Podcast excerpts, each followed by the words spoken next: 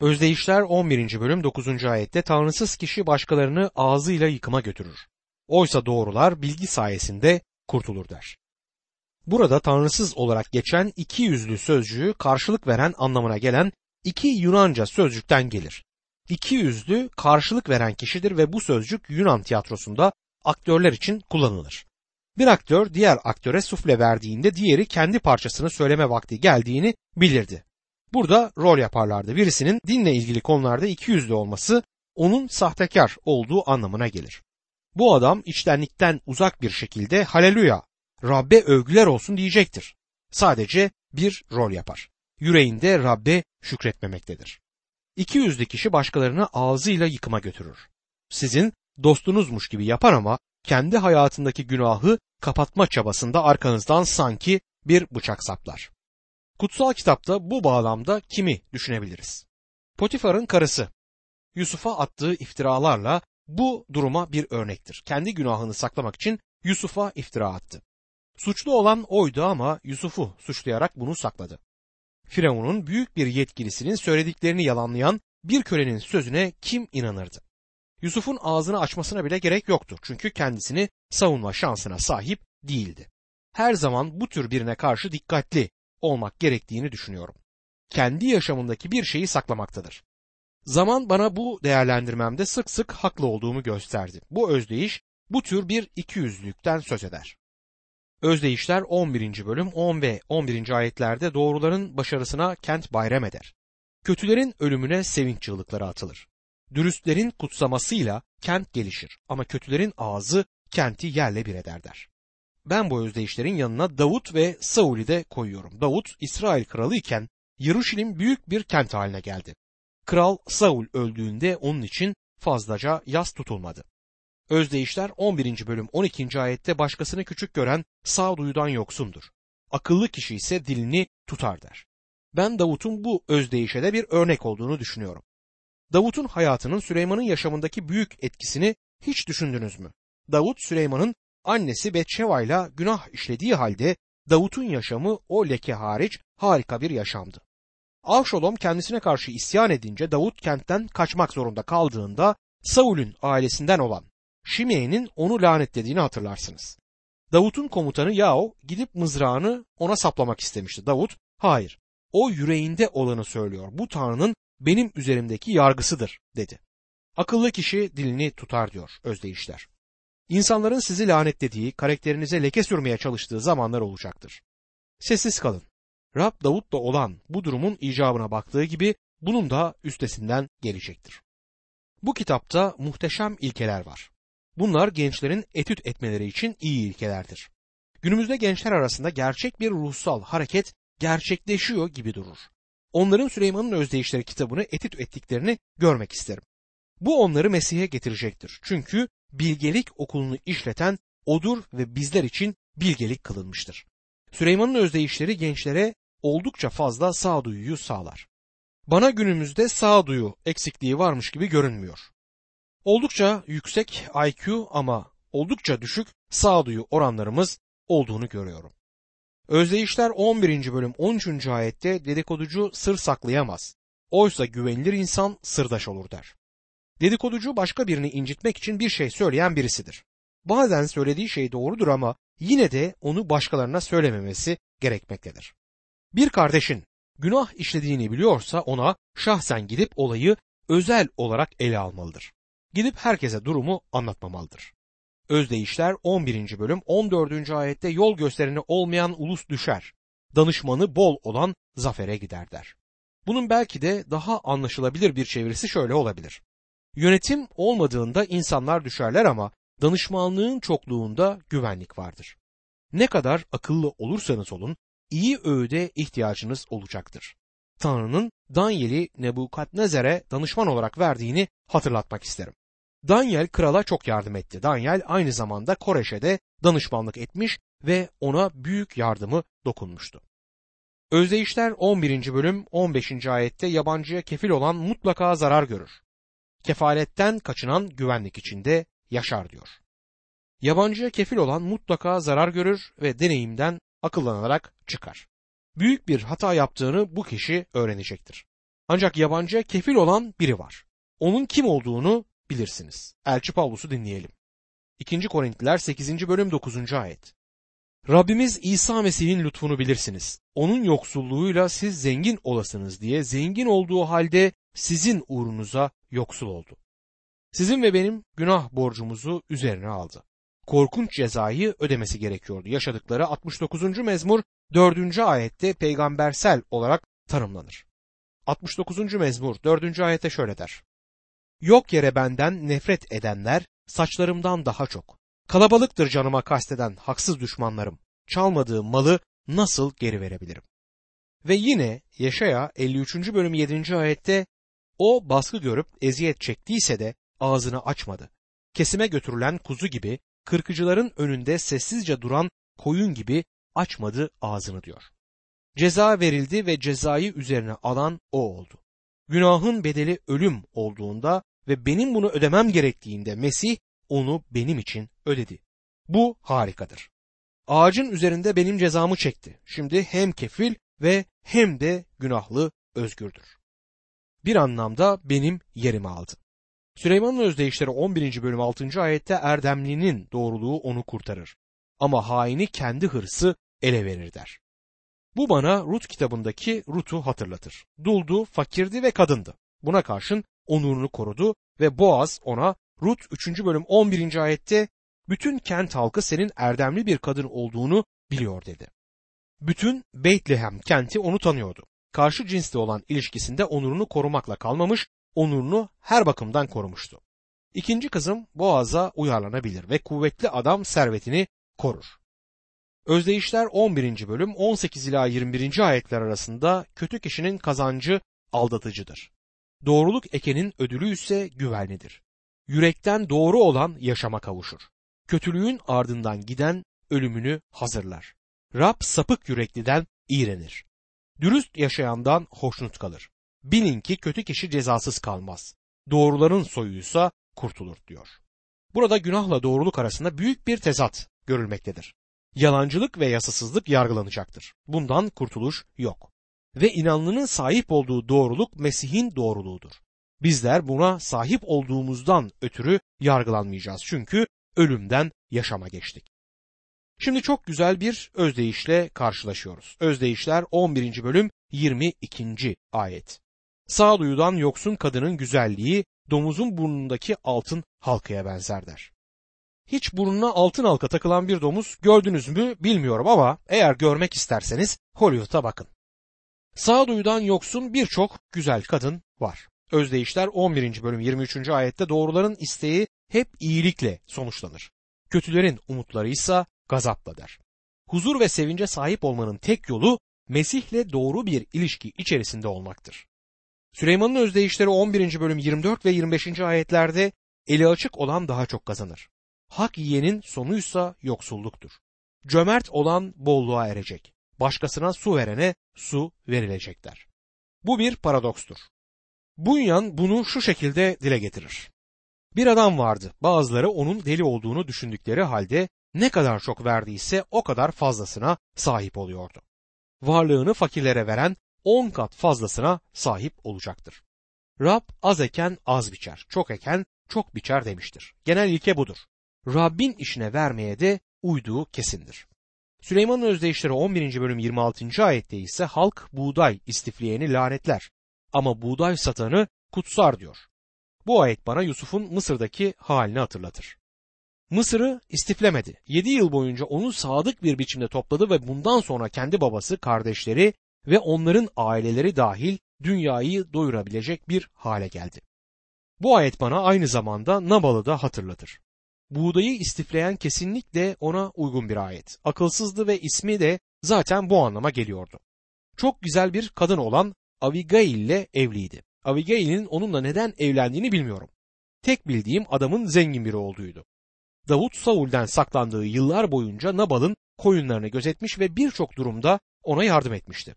Bu yüzden Davut ve adamları açken yiyecek istemek için Nabal'a haber yollamıştı. Nabal onu reddetti. Hatta Davut'un yolladığı elçilere hakaret etti. Kızıl saçlı Davut bunu karşılıksız bırakmayacaktı. Adamın peşinden gitti ama o yoldayken Abigail barış sunularıyla onu karşılamaya çıktı. Bu özdeyiş Naval'a uygun bir özdeyiştir ve ben bu özdeyişe ruhsal bir uyarlama verebileceğimize de inanıyorum. Buğday ya da mısır tanrı sözüdür. Birçok vaiz buğdayı istif etmektedir. Tanrı sözü yerine politik ve sosyal konularda vaaz verirler. Tanrı topluluklarından buğdayı esirgeyen vaizlere merhamet etsin. Günümüzde hepimizin buğdayı vermemiz gerekir. Bu sadece vaizler için değildir. Kenarda oturup etrafımızdakilerden buğdayı esirgeyip esirgemediğimize bakmamız lazım. Bulunduğunuz yerde Tanrı sözünün öğretilmesi konusunda büyük bir depolayıcı olabilirsiniz. Dostum buğday istifleyeni halk lanetler ama birisinin size gelip kendilerine yaşam sözünü verdiğinizden ötürü teşekkür etmesi büyük bir heyecandır. Ama buğday satanı kutsar. Onu parasız ya da ücretsiz vereni karşılığındadır. Süleyman'ın özdeyişleri 11. bölüm 27. ayette iyiliği amaç edinen beğeni kazanır. Kötülüğü amaç edinense kötülüğe uğrar der. Bu bir adamın ektiğini biçeceği konusunda bir başka kanıtı oluşturur.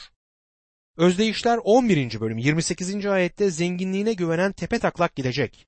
Oysa doğrular dalındaki yaprak gibi gelişecek der. Rabbimiz gerçek yaşamdan aldığına inandığım benzetmeler verdiğinde çok büyük ürün aldığı için ambarlarını yıkıp daha büyük ambarlar inşa etmek isteyen bir çiftçiden söz eder. Adam bütün kuvvetini buna harcayacaktı. Daha büyük ambarlar inşa etmenin yanlış bir tarafı yoktur. Ama Rab onun bu dünyada büyük ambarlar inşa etmekle çok meşgul olduğu için sonsuzluk için hiçbir şey inşa etmekle ilgilenmediğini de söylemişti. Zenginliğin tehlikesi budur. Kimse parası sayesinde cennete gidemez. Özdeyişler 11. bölüm 30. ayette doğru kişinin işleri yaşam ağacının meyvesine benzer. Bilge kişi insanları kazanır der. Yıllar önce vaizlerin çocukları hakkında bir araştırma yapılmıştı. Çünkü vaiz çocukları çok eleştiri alıyorlardı. Woodrow Wilson dahil Amerika Birleşik Devletleri başkanlarından birkaçının vaiz çocuğu olduğu da ortaya çıktı. Ayrıca en parlak bilim adamlarından bazıları vaiz çocuklarıdır. Genelde kurtulmuş insanların çocukları oldukça iyidir. Günümüzde aile yuvasında uyum sağlamak için birçok kurs verilir. Keşke günümüzde yüzeye konulan bilgi ve cilanın ötesine geçilebilse. Evinizde tatlı ve iyi olma konusunda kısa bir psikoloji kursu yanıt değildir. Tanrı sözüne ve evde Tanrı yolunda bir yaşama dönmeliyiz. Evde doğruluk olsa aile sorunlarımızın birçoğu da yok olacaktır. Doğru kişinin işleri yaşam ağacının meyvesine benzer. Bilge kişi insanları kazanır diyor kutsal kitapta özdeyişlerde. Günümüzde kişisel tanıklık konusuna çok ilgi gösterilmektedir. Bu iyidir. Ben bunun günümüzde ve neslimizde gerçekleşen en iyi şeylerden biri olduğuna inanıyorum. Tanrı sözü her zaman bilge kişi insanları kazanır demektedir. Özdeyişler 11. bölüm 31. ayette bu dünyada doğru kişi bile cezalandırılırsa kötülerle günahlıların cezalandırılacağı kesindir diye yazar. Sevgili dostum yargı gelmektedir. Bu konuda hiç kuşkunuz olmasın.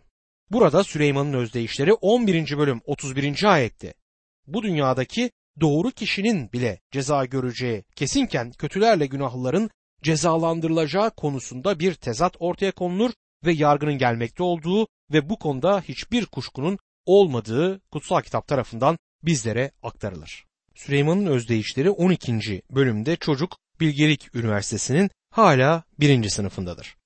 Ama burada verilen öğretiler çok önemlidir. Süleyman'ın özdeyişleri 12. bölüm 1. ayet. Terbiye edilmeyi seven bilgiyi de sever. Azarlanmaktan nefret eden budaladır der. Terbiye edilmeyi seven adam neyin en önemli olduğunu ve neyin en değerli olduğunu gerçekten değerlendirmiş kişidir. Bunun anlamı kendisine verilen öğütleri dinleyeceğidir. Ancak şunu söylemem gerekir ki insanlara Tanrı sözünü dinlettikten sonra en büyük sorunlardan biri onları Tanrı'nın söylediklerine itaat ettirmektir. İtaat kesinlikle önemlidir. Süleyman'ın özdeyişleri 12. bölüm 2. ayet iyi kişi Rabbin lütfuna erer ama düzenbazı Rab mahkum eder der. Birinci mezmur 5. ayette bizlere bu yüzden yargılanınca aklanamaz, doğrular topluluğunda yer bulamaz günahkarlar der. Ün, zenginlik ya da insanlar tarafından çok yüksek görülmeye karşın Tanrı yolunda yürümeyen kişileri kötü bir son beklemektedir. Tanrı bu tür insanları yargılayacaktır. Düzenbazı Rab mahkum eder. Süleyman'ın özdeyişleri 12. bölüm 3. ayet kötülük kişiyi güvenliğe kavuşturmaz. ama doğruların kökü kazılamaz diyor. Rabbimiz bunu ele alan bir benzetme anlatır. Dağdaki vaazda evini bir kayanın üzerine kuran bir adamla evini kumun üzerinde kuran iki adamdan söz edilir. Kaya tabii ki Mesih'i Tanrı sözünün sağlam temelini simgeler. Şimdi üniversitedeki ilk yılında genç adama bir eş seçme konusunda öğüt verilecektir. Süleyman'ın özdeyişleri 12. bölüm 4. ayet Erdemli kadın kocasının tacıdır. Edepsiz kadınsa kocasını yer bitirir der. Eski antlaşmada adları geçen harika kadınları düşünelim. Hava yılanı dinlemesine karşın harika bir kadın olmalıydı. 1. Petrus 3. bölüm 6. ayete göre Sara örnek bir eşti. Musa'nın annesi Yakovet'in de harika bir kadın olduğu kesindir. Bir de o kadar iyi olmayan ve kocasını yiyip bitiren türde tanımlanabilecek kadınlar var. Eyüp'ün karısı kendisine o kadar büyük bir yardımcı değildi. Şeytanın Eyüp'ten güvendiği her şeyi alıp karısını almayışı ilginçtir. Şeytan karısının Eyüp'e fazla bir yardımı olmadığını biliyor olmalıydı. Sonra annesi kötü Isabel olan kanlı Atelia vardı. Kutsal kitapta bu özdeyişin birçok örneği bulunur. Ogden Nash yazmış olduğu şu dizelerde başarılı bir evlilik hakkında öğütler verir. Evliliğinizi sevgiyle dolup taşar tutmak için haksız olduğunuzda bunu itiraf edin. Haklı olduğunuzda susun. Bu arada ben bunun iyi bir öğüt olduğuna inanıyorum. Süleyman'ın özdeyişleri 12. bölüm 5 ila 7. ayetlerde şöyle yazar. Doğruların tasarıları adil, kötülerin öğütleri aldatıcıdır. Kötülerin sözleri ölüm tuzağıdır. Doğruların konuşması ise onları kurtarır. Kötüler yıkılıp yok olur. Doğru kişinin evi ayakta kalır. Yine kötüler sözcüğünü yasasız sözcüğü olarak değiştirmeme izin verin. Tanrı'nın yasa ve düzene inandığını görebiliyoruz. Tanrı'nın yasasızlık hakkında söyleyecek çok şey vardır.